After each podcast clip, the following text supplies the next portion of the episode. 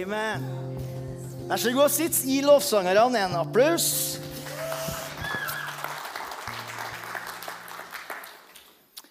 Vi skal starte med å lese en tekst fra Johannes evangelium.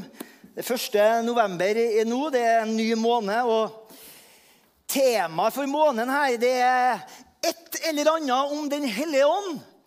Så da har jeg kokt sammen noe av det. Et eller annet om Den hellige ånd. Og Det er jo et svært tema, og det burde jo klinge godt i ørene til pinsevenner. Så det er bra. Johannes evangelium, kapittel 7. Vi skal først lese de to første versene før vi hopper noen vers framover. Det står i vers 1. Siden gikk Jesus omkring i Galilea. Han, han ville ikke gå omkring i Judea fordi jødene var ute etter å drepe ham. Jødenes høytid, løvhyttefesten, var nær. Og Så hopper du fram til vers 37. Da står det sånn På den siste dagen, den store dagen i høytiden, altså denne løvhyttefesten, sto Jesus fram og ropte ut. Om noen tørster, han skal komme til meg og drikke. Den som tror på meg, ut fra hans indre skal det, som Skriften har sagt, flyte strømmer av levende vann. Dette sa han om ånden, den som skulle bli gitt dem som trodde på ham. For Den hellige ånd var ennå ikke gitt, siden Jesus ennå ikke var herliggjort. Ok, Det er tre ord som eh, beskriver hvor jeg står når jeg skal preke om Den hellige ånd. Og Det første ordet det er lengtende. Jeg kommer lengtende, jeg står her lengtende etter mer av den virkeligheten som jeg skal prøve å snakke litt om. Aha. Jeg har jo smakt, og hver eneste smaksprøve har gjort meg sulten etter mer. Og jeg kjenner meg igjen i ordene fra salmisten, salme 42, vers 2 står det Som hjorten lengter etter rennende vann. Slik lengter min sjel etter deg, å Gud. Min sjel og han fortsetter, min sjel lengter etter Gud, den levende Guds ansikt. Det er som bonden som fikk et spørsmål om han uh, Har du levd på gården her hele livet? Så tenkte han seg litt om så sa han, Ikke ennå. Du tok den? I svaret så ligger det liksom en slags dyp forståelse om at det fins noe mer ennå. Jeg er ikke ferdig her ennå. Det er mer å forstå, det er mer å oppleve. Så jeg kommer lengtende. Det andre ordet, det er ordet Litt mer negativt, kanskje. Engstelig eller litt, litt spent. Ikke nervøs og fryktsom, men engstelig og spent. Og det er flere årsaker til det. Hovedårsaken det er det jeg kaller for eh, språkets begrensning. For når vi, når vi, skal snakke om Den hellige ånd, du, så skal jeg prøve, stå her og prøve å snakke om en virkelighet som til syvende og sist egentlig ikke kan beskrives med ord. For det er, det er, det er større enn meg, liksom. Det er, det er, en virkelighet som det er litt vanskelig å sette ord på. Det er på mange måter som å prøve å fange vinen med en eh, håv. da sliter du. Ja, jeg kan bruke ord, jeg kan bruke bilder, eksempler, metaforer, analogier, og jeg kan liksom ta oss et stykke på veien. Men jeg er jo klar over at jeg vil da bruke ord og eksempler som vil trigge litt sånn ulik respons og forståelse hos ulike folk. Og Da er jeg på en måte litt sånn redd for å bruke ord og bilder hvor du skal konkludere med at jeg mener det som alle andre mennesker mener når, når de bruker samme ord og samme eksempler. Men så mener jeg kanskje noe annet. For det er litt vanskelig å sette ord på det her. Men nå er det jo jobben min å stå her og kommunisere på en sånn måte at når du går ut herifra, så tror jeg at vi i hvert fall så noenlunde skal ha en felles forståelse av hva han Kristian har prøvd å prate om. ok? Det tredje ordet det er ordet 'forventende'. Jeg, jeg står her, og jeg forventer at den levende Gud skal møte meg og møte deg i vår lengsel. Ja. Og jeg tror at det er helt greit at vi våger å forvente det. Fordi Bibelens budskap er veldig klar. Det at den levende Gud han lengter etter å bli kjent. Han er ikke ute etter å skjule seg og vanskelig å få tak i og utilgjengelig. Nei, han lengter etter å bli kjent. Så jeg våger å forvente, fordi Guds ord det er et ord som ikke bare informerer. Nei, det er et ord som utfører. Det er et ord som forvandler. Guds ord er et ord som får ting til å skje i hjertene våre, i livet vårt. Så i dag er jeg lengtende, så jeg er spent, og så er jeg forventende. Så får du plassere deg sjøl hvor du ligger i løypa hen. Men jeg håper du sitter her og er litt lengtende. Du er litt spent. Og så, du, så sitter du der med forventning. Nå er det mange som vet en god del om Faderen og Sønnen, og så sliter vi litt mer med Den hellige ånd, for det er liksom litt sånn Litt spesielt for de spesielt interesserte. Men Den hellige ånd, når du leser om Den hellige ånd i Bibelen, så har jo Den hellige ånd alle karaktertrekk som kjennetegner en person. Eh, han tenker, han snakker, han leder. Han kan bli bedrøva, leser vi om. Noen ganger omtales han som, som eh, Kristi ånd eller Jesu ånd. Og siden han er Kristi ånd, så betyr det at Den hellige ånd eh, Eller ved Den hellige ånd så er Jesus til stede hos sitt folk. Han da er, han her. Så hvordan er han? Hellige ånd, hvordan er han? På gresk så omtales han som parakletos. Det er et herlig ord som du må lære ungene dine. Parakletos. Det kan oversettes med advokat, rådgiver, hjelper, talsmann. Og I Johannes evangelium så omtales han som en annen talsmann. Og det Ordet 'annen' betyr en annen en av samme slag, samme type. Så det betyr jo at når Jesus sier 'jeg vil sende en annen talsmann', så skal jeg sende en annen en, ja. Men han er egentlig akkurat sånn som meg. Han vil det jeg vil, han gjør det jeg gjør. Det er en annen talsmann, men det er av samme slag. Pinsebevegelsen starta jo tidlig på 1900-tallet, og vi er jo en del av den. og Mange tror jo at det var da Den hellige ånd dukka opp. Men det vet vi jo er langt fra sannheten.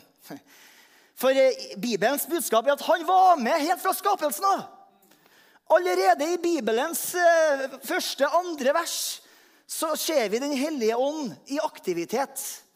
Der står det at i begynnelsen skapte Gud himmelen og jorden. Jorden var øde og tom. Mørket var over det store dyp. Og så kommer det og Guds ånd svevde over vannene. Skapelsen kan jo si, den setter jo liksom agendaen for hele Bibelen. Eh, og budskapet i første Mosebok 1 det er at liksom her er hvordan universet starta, og hvordan det blir eh, opprettholdt. Og siden vi er en del av dette universet, vi er en del av skapelsen, så er det også sånn vårt liv opprettholdes. Og det vi ser i skapelsesberetningen, eh, det er hvordan Den hellige ånd var til stede. Han fikk nye ting til å skje, og han skapte orden ut av kaos. Og han er den samme i dag. Han gjør det samme i dag. Han kan skape nye ting i ditt liv, nye ting i mitt liv, nye ting i menighetens liv. Han skaper orden og fred i kaoset. Han setter mennesker fri fra skadelige vaner, fra destruktive ting. Han skaper orden i kaoset. I Gamle Testamentet så leser vi om Den hellige ånd. Han kom over Bestem, altså visse mennesker til bestemte tider for bestemte oppgaver. Og vi ser at når Guds ånd kom over det er det uttrykket Bibelen bruker, da kom ånden over den, da skjer det noe bestandig. Det skjer noe. Så han kom ikke bare for å gi en god, varm følelse inni her. Nei, han hadde en hensikt med det han gjorde. Og, det, og vi finner mange eksempler på det i Bibelen. I, eh, i, I, andre Mosebok så leste vi om en mann som kanskje ikke er så kjent. Han heter for Besalel. Andre Mosebok 31. Der står det Se, jeg har kalt Besalel. Og Besalel betyr 'i Guds skygge'. Hvis du er som meg, så liker vi ikke å være i skyggen til noen som helst. Vi liker jo å stå oppå plattforma og skinne litt. ikke sant? Men, eh, men, eh, salmisten sier jo noe om, om, det å stå i Guds skygge. For der står det den som bor i den høyeste skjul, skal hvile under den allmektiges skygge. Og det er den personen som da kan si om Herren han er min tilflukt. Han er min festning, min Gud, som jeg vil sette min lit til. Så det er helt greit å hete for Besalel å bo i Guds skygge. Jeg har kalt Besalel, står det. Sønn av Uri, Hurs sønn av Judas stamme. er fylt med Guds ånd, med visdom, med forstand, med kunnskap, med dyktighet til all slags arbeid til å tenke ut kunstverk, arbeid i gull, sølv og kobber, til å slipe steiner til innfatning, skjære ut i tre, til å utføre all slags arbeid. Og Jeg har jo sagt, jeg tror jeg sa det forrige gang jeg leste dette verset, så sa jeg det, det, det burde egentlig stå Ivar Skarsheim her. For det, det, det, her er jo svigerfar min. er det som egentlig her. Og så vet vi jo det at det går selvfølgelig an å være en begava musiker, forfatter, maler, ha masse sånne naturlige skills. Men når jeg leser om Besalel her, så er det liksom som om det Vi snakker om noe som tar det til et annet nivå. En litt annen dimensjon. Her er det et hjerte som blir berørt av Guds ånd. Det er et liv som blir forandra. Og det er en mann som blir i stand til å gjøre ting som er liksom litt utover hans naturlige evner, fordi at Guds ånd kom over ham. Det samme leser vi om Gideon i Dommernes bok. Det var jo en tid hvor Israel ble styrt av dommere. Landet ble gjentatte ganger angrepet og kontrollert av fremmede nasjoner. Og i, i, Et av eksemplene det var når midjanittene slo til. da. Det var da Gideon kom på banen. Da kalte Gud Gideon for å lede Israel mot midjanittene. Når du leser om Gideon, når Gud kommer så er han veldig klar over sin egen svakhet og sin egen begrensning. Og han sier Dommerne 6.: Å, Herre, hvordan skal jeg kunne frelse Israel? Min ett er jo den ringeste i Manasseh og er den yngste altså liksom, Han plasserte seg helt nederst. Stammen er den dårligste, og jeg er den dårligste av den igjen. liksom. Så, men da sa Herren til ham, 'Jeg skal være med deg.' Det er herlig, vet du. Jeg skal være med deg. Så Gud lover å være med. Og Senere da i historien, når han da møter midjanittene, så leser vi hva det her løftet om at Gud skal være med, hva det betyr. For da står det 'Herrens ånd kom over ham'. Herrens ånd kom over ham. Og da leser vi at fienden ble nedkjempa. Så det at Herren er med, at Guds ånd kommer over deg, det gir seg utslag i noe synlig. Det er noe som skjer. Det er mange ganger jeg har tenkt at altfor ofte, eller i altfor stor grad, så har troen i den vestlige verden, det der jeg og du bor, blitt noe som foregår i det skjulte inni her. Men det er en tanke som er fullstendig fremmed fra Guds ord. Deres tro og deres gudsliv var, var veldig sterkt knytta til tempelet og de sju høytidene. Det var liksom, Hele gudslivet handla om det. Det var fest, det var glede, det var dans, og det var spill. Og du tenker kanskje, eller vi i vår vestlige snusfornuft tenker ja, men det er litt sånn kulturelt, kulturelt betinga. Nei, jeg er ikke så sikker på det.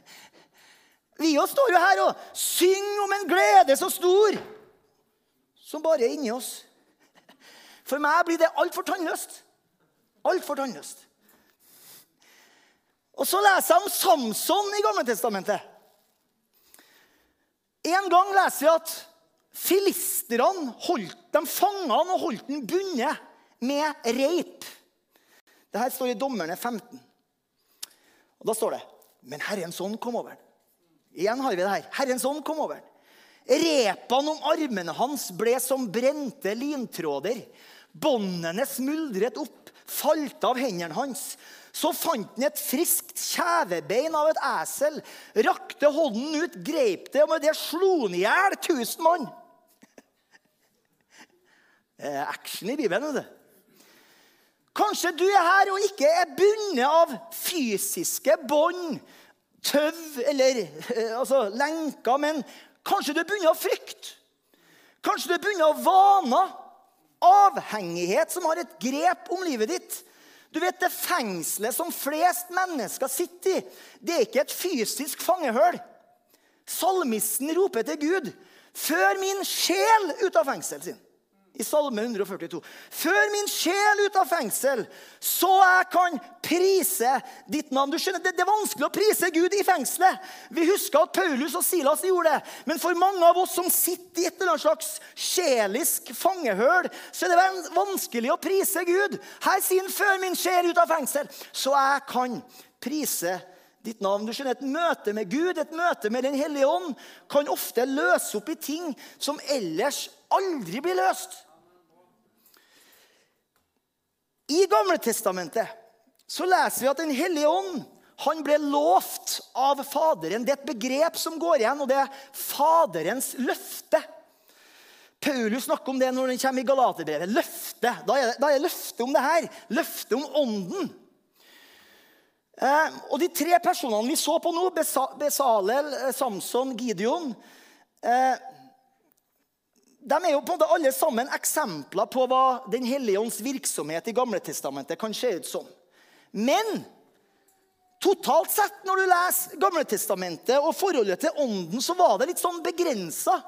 Det var begrensa til bestemte mennesker, til bestemte tider og til bestemte oppgaver.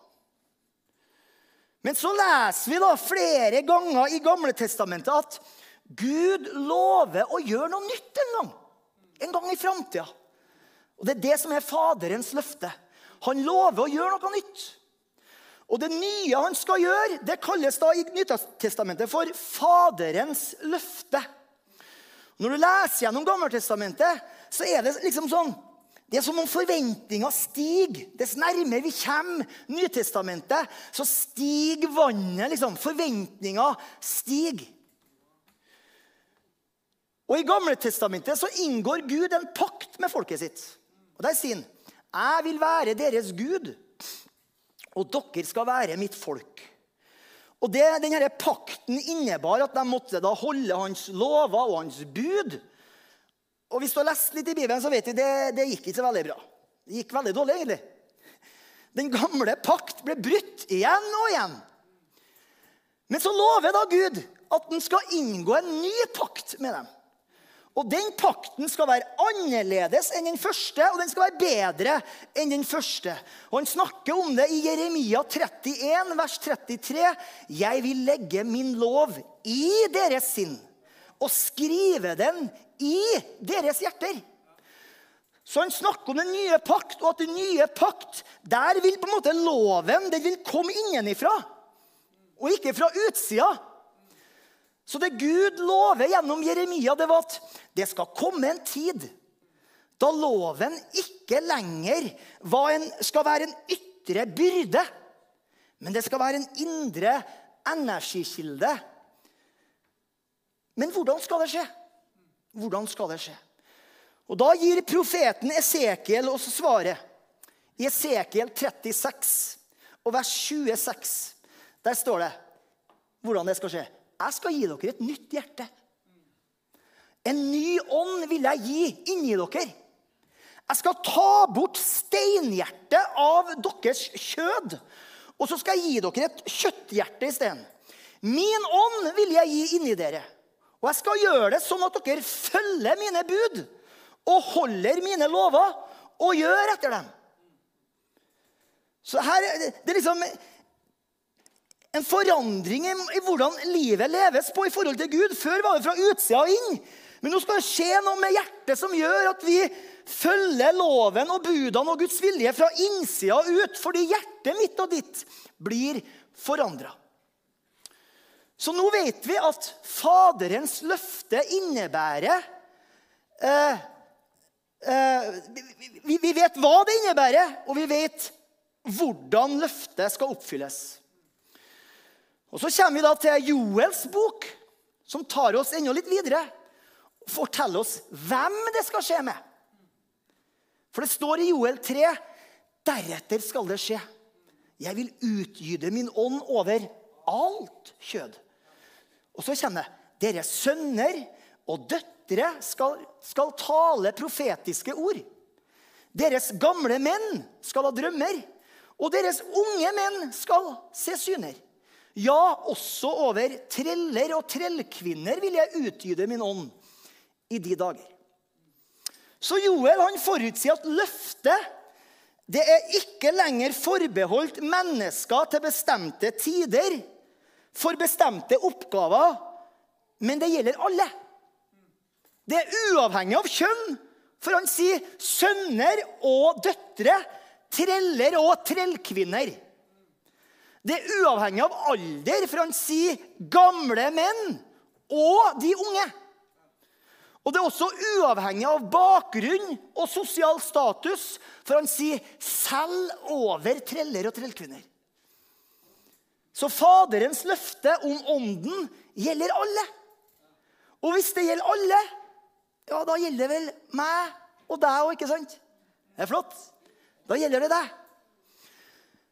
Eh, selv om løftet ble gitt i Gamletestamentet, og selv om forventningene steg, så sto dette løftet uoppfylt i minst 300-400 år.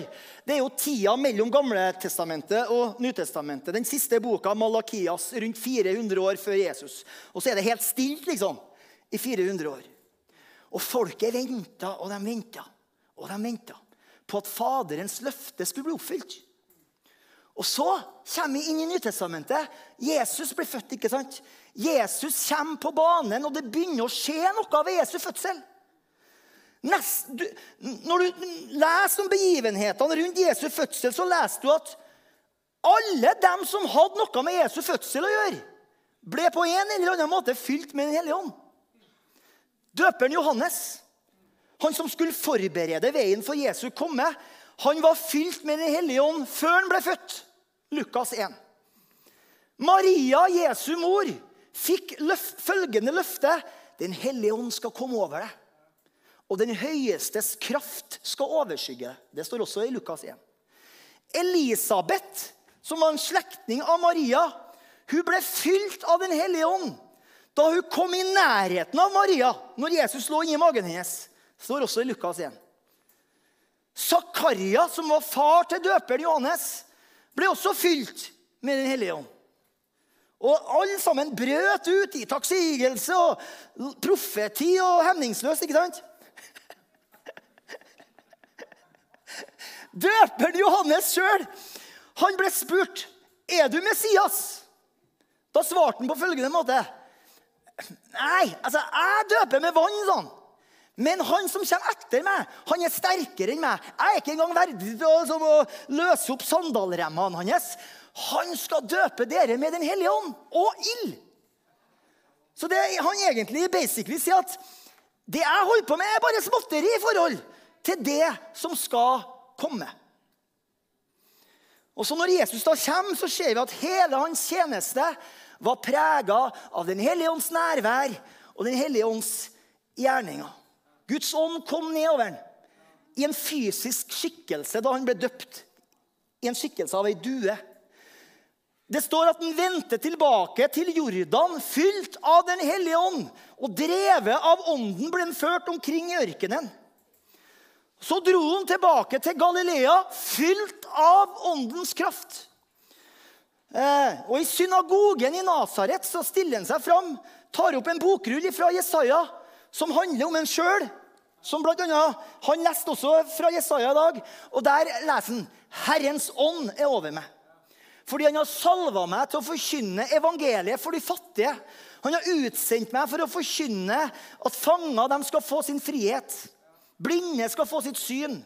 For å sette undertrykte i frihet, for å forkynne et nådens år fra Herren. Og så slår han liksom spikeren i kista og sier han, i dag så er dette skriftordet oppfylt for øvanågers.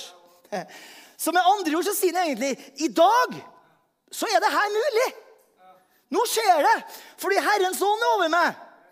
Han har salva meg. Og en dag Nå kommer vi til bibelteksten. Her var bare innledninga. En dag så deltok Jesus i en jødisk fest. Løvhyttefesten, som vi leste om her fra Johannes 7. Løvhyttefesten var en av de tre store høytidene i Israel. Påske, pinse var de to andre. Og Den ble avholdt fra den 15. dagen i den 7. måneden, som het for Kislev. og Det, det er rundt nå, det, sånn oktober.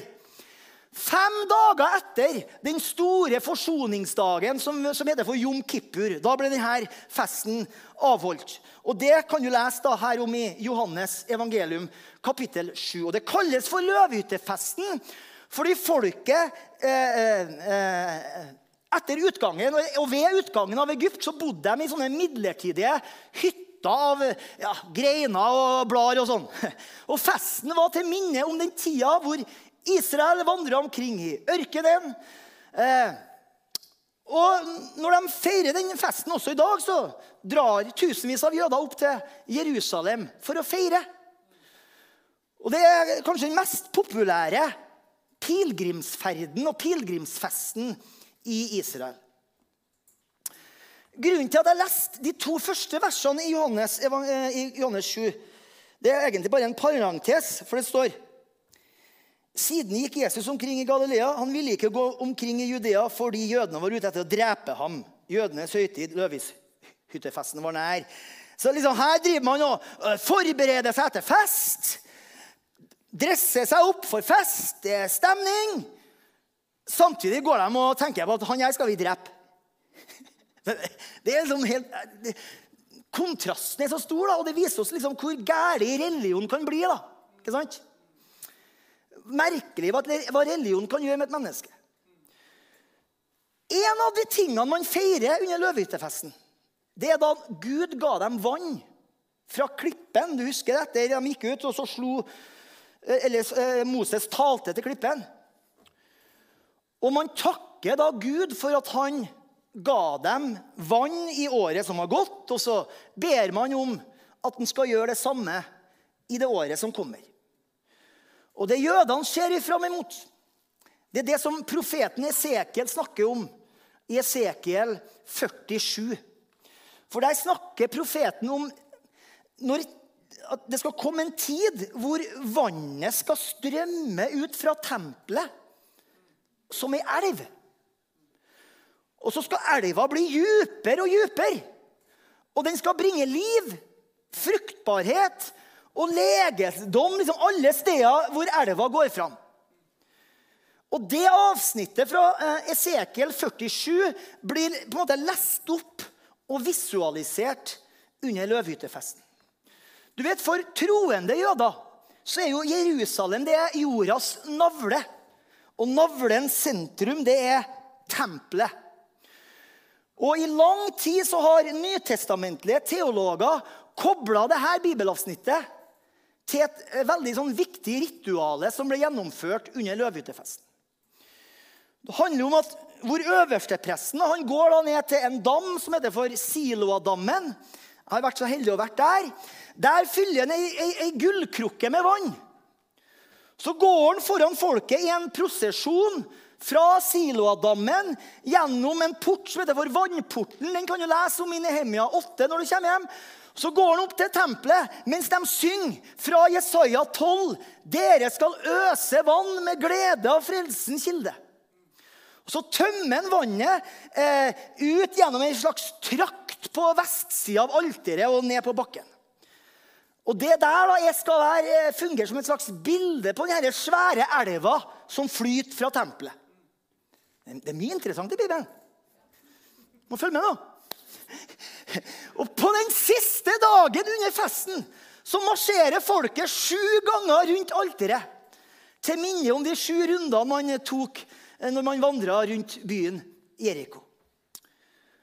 Og da tenker jeg Kanskje så skjedde det akkurat da, i det øyeblikket.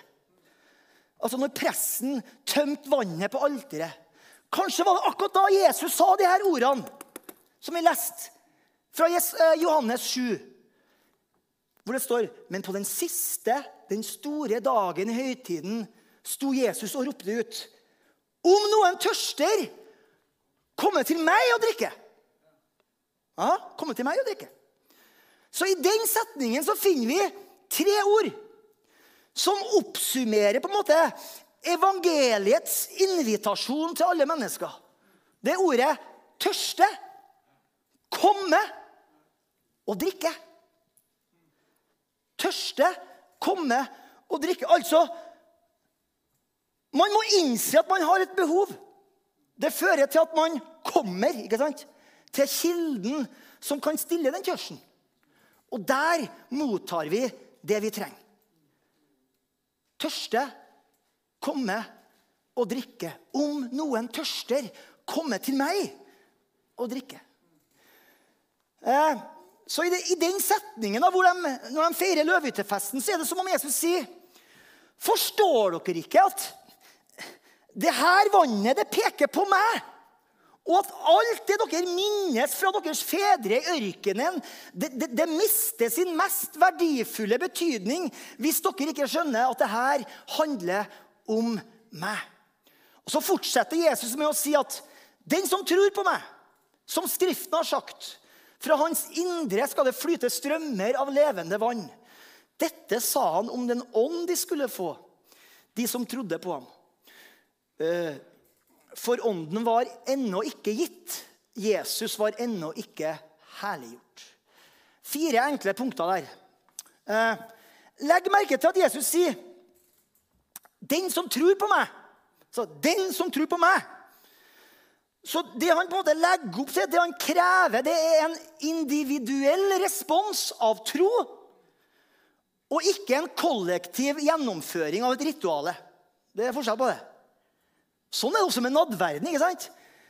En individuell respons av tro, og ikke bare en, en kollektiv gjennomføring av ritualet. Det andre er at han sier fra hans indre skal det renne strømmer av levende vann. Sett i lys av, denne, av, det ritualet som de driver og holder på med når Jesus sier det der, så er det som om Jesus sier Jeg tilbyr ikke et rituale. Jeg tilbyr en virkelighet. Fra ditt indre så skal du få oppleve at det renner strømmer av levende vann. Det dere prøver å koke sammen her i form av noe sånn eh, fancy ritualer, det er ikke det jeg kommer for å gi. Jeg kommer for å gi deg en virkelighet. Og så sier han Den som tørster, komme til meg og drikke. I vers 37.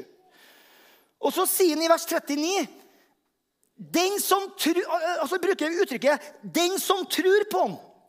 Og hvis du liksom uh, leser, Når du kommer hjem, så leser du det der noen gang, så skjønner du at de her to uttrykkene 'Den som tørster, komme til meg og drikke', og uttrykket 'den som tror på ham', det er på en måte to parallelle sannheter. Det er synonymer. Så det er liksom tro forklart på den enkleste måten. Når Jesus skal forklare tro, så er det ikke en lang teologisk utleggelse om fem punkter til tro. og uh, hva, hva, er tro, og hva er ikke tro. Nei. Den som tørster, kommer til meg og drikker. Altså, Tro forklart på den enkleste måten, det er å komme til Han for å drikke. Ja. Jeg håper at du sitter her og, og, og, og har den enkle, barnslige begrepet på tro at jeg kommer til Han for å drikke. For, for, vi kommer jo til å drikke en eller annen plass. Når vi mangler tilfredsstillelse, når vi har et behov, hvor er det vi drikker fra da? Da må du komme til Han og drikke. For det er det samme som at du tror på Han. For du går dit du tror at tilfredsstillelsen skal bli stilt. Eh, nummer fire. Det Jesus hentyder her, da eh, Det at det som Esekiel snakka om, om denne elva og tempelet, det skal ikke bare oppfylles på et fysisk sted i Jerusalem, i tempelet. Men det skal oppfylles i én person. Han er kilden. Elva skal strømme fra han. Men så tar Jesus det enda litt lenger. For han sier at det skal renne strømmer av levende vann fra hver eneste kristen, fra den som tror på ham.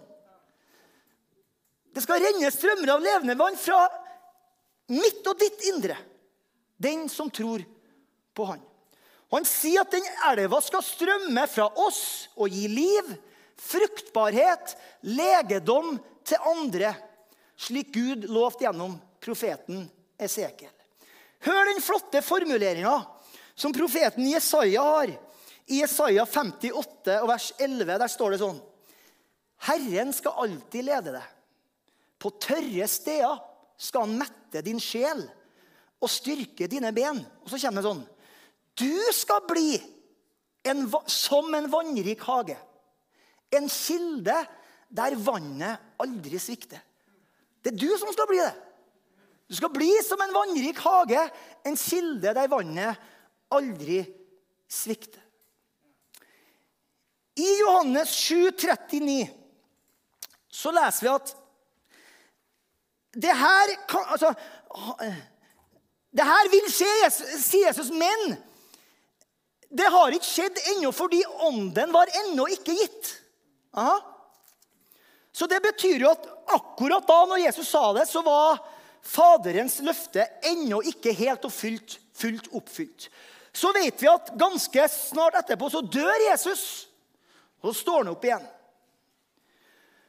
Og så er det noen dager mellom oppstandelsen og, og, og himmelspretten, som vi sier, himmelfarten. Og selv i de dagene etter oppstandelsen, før himmelfarten, så var ennå ikke ånden utøst. Og så sier Jesus til sine disipler i Lukas 24, vers 49.: Se, jeg sender over dere det som min far har lovt. Her har du Faderens løfte igjen. Dere skal bli i byen til dere blir ikledd kraft fra det høye. Og I, første, ja, i, i apostlenes gjerninger 1,8 så står det at dere skal få kraft når Den hellige ånd kommer over dere. Og Til slutt, på pinsefestens dag, som alle pinsevenner kan, apostlenes gjerninger 2, så sier han, der står det med ett kom et brus fra himmelen. Så når det blæs en sterk storm og fylte huset hvor de satt, og tunge liksom av ild kom til syne, delte seg og satte seg over hver enkelt en av dem. De ble alle fylt av Den hellige ånd, begynte å tale i andre tunger ettersom ånden ga dem å drikke. Nå hadde det skjedd. Faderens løfte var oppfylt. Folket ble jo forvirra.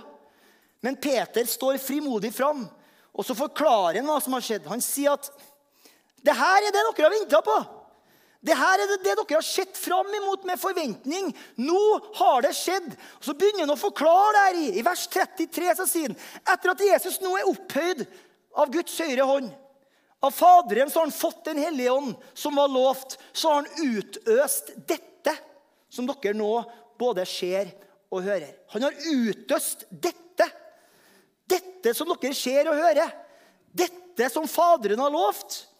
Og det her som alle profeter har snakka om.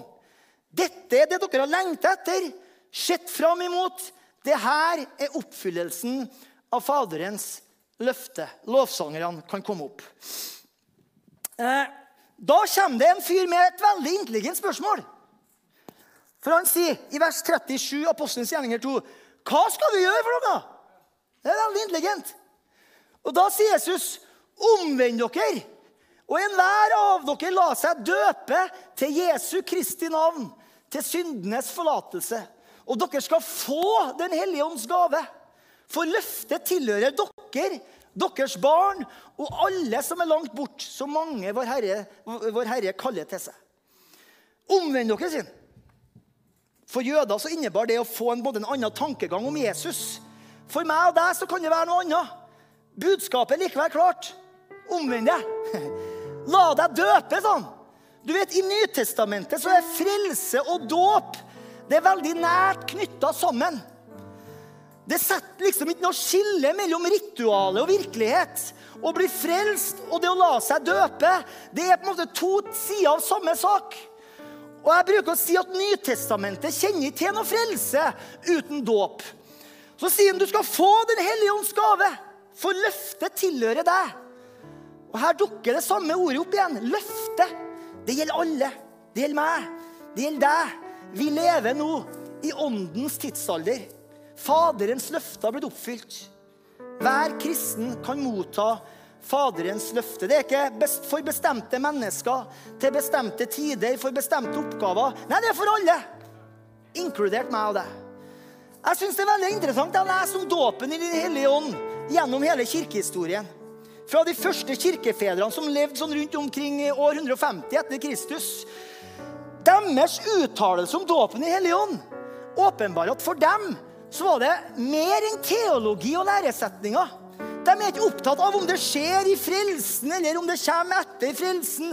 De er ikke opptatt av om det skjer før eller etter vanndåpen. De er ikke opptatt av om må vi ta det tungere, eller er det greit å ikke ta i tungere. For meg så virker det som om Nytestamentet og den første kirkehistorie ikke er opptatt av å etablere et rituale. Nei, de er opptatt av å motta en virkelighet. Virkeligheten kan oppsummeres i én en enkelt setning.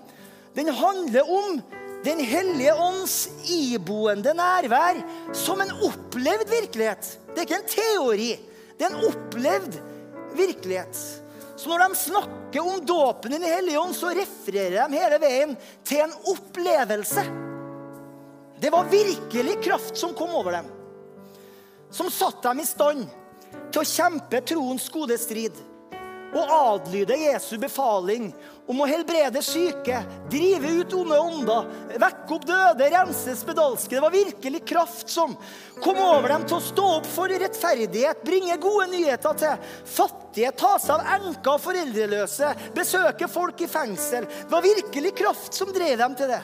Og Det var virkelig kraft som kom over dem og, og, og gjorde at de ikke fornekta sin tro midt i voldsom forfølgelse. Du skjønner, Dåpen i Den hellige ånd er ikke en teori. Det er virkelig kraft til liv og tjeneste. Og uten den kraften vil vi aldri være i stand til å oppfylle oppdraget som vi har fått. Så åndsdåpen er ikke et minne om noe som skjedde for lenge siden. Nei, det er en konstant opplevd virkelighet her og nå. Skal vi reise oss opp? Takke deg, Herre, for at du er her. Takk at Den hellige ånd er her. Og du møter oss her og nå i vår lengsel etter noe mer, Herre.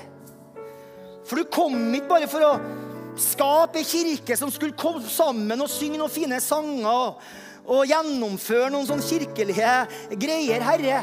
Vi kommer desperat. Vi trenger deg. Vi trenger at du rekker din hånd ut og gjør under i våre liv. Rekk din hånd ut, Herre. Vi ber om det. Du kjenner vår lengsel, og du kjenner vår forventning. Vi trenger så mye mer av denne virkeligheten av åndens nærvær i våre personlige liv, i kirka vår. Vi trenger å se at syke blir helbreda, at demoner blir drevet ut. Du er den oppstandende Herre. Du har det navnet som er over alle andre navn. Vi tilber deg, Jesus. Vi takker deg for du er her. Amen. Hvis du ikke kjenner Jesus, så ønsker vi alltid å gi deg en sjanse til å ta imot Han som din frelser. Vi leste fra Johannes 7 om den som tørster, den som kommer, og den som får slukka sin tørst hos Han. Det fungerer ikke bare når det gjelder ånden, det fungerer også for frelsen. Kanskje du sitter og ser på YouTube, eller du er her i salen, og du tørster, du lengter etter noe mer enn det livet har tilbudt deg fram til i dag. Kom til Jesus med den lengselen. Hvis det er den eneste troen du har, så bare kom til ham og si 'Jesus, jeg vet ikke hva han her prater om helt fullt og helt, men jeg skjønner at han snakker med passion. Jeg skjønner at han tror på det han snakker om. Kom til Jesus med den lengselen og si til ham 'Jeg kommer til deg. Ta imot meg som jeg er.' Da, ja, da gjør han det. Da blir den lengselen slukka. Da kan du be denne enkle bønna etter meg. Jesus, jeg kommer til deg. Jeg gir mitt liv til deg. Jeg ber, kom inn i mitt hjerte. Frels meg. Tilgi meg min synd. Vær min Herre og Mester. Takk at du tar imot meg. Nå er jeg ditt barn. Jeg er din, og du er min. Jesu Kristi navn. Hvis du ba den bønna for første gang, så ta kontakt med denne kirka. Ring telefonnummeret vårt, eller ta kontakt med meg. Så skal vi hjelpe deg videre vet du, i de første stegene sammen med Jesus. Da har Roar et budskap i tunger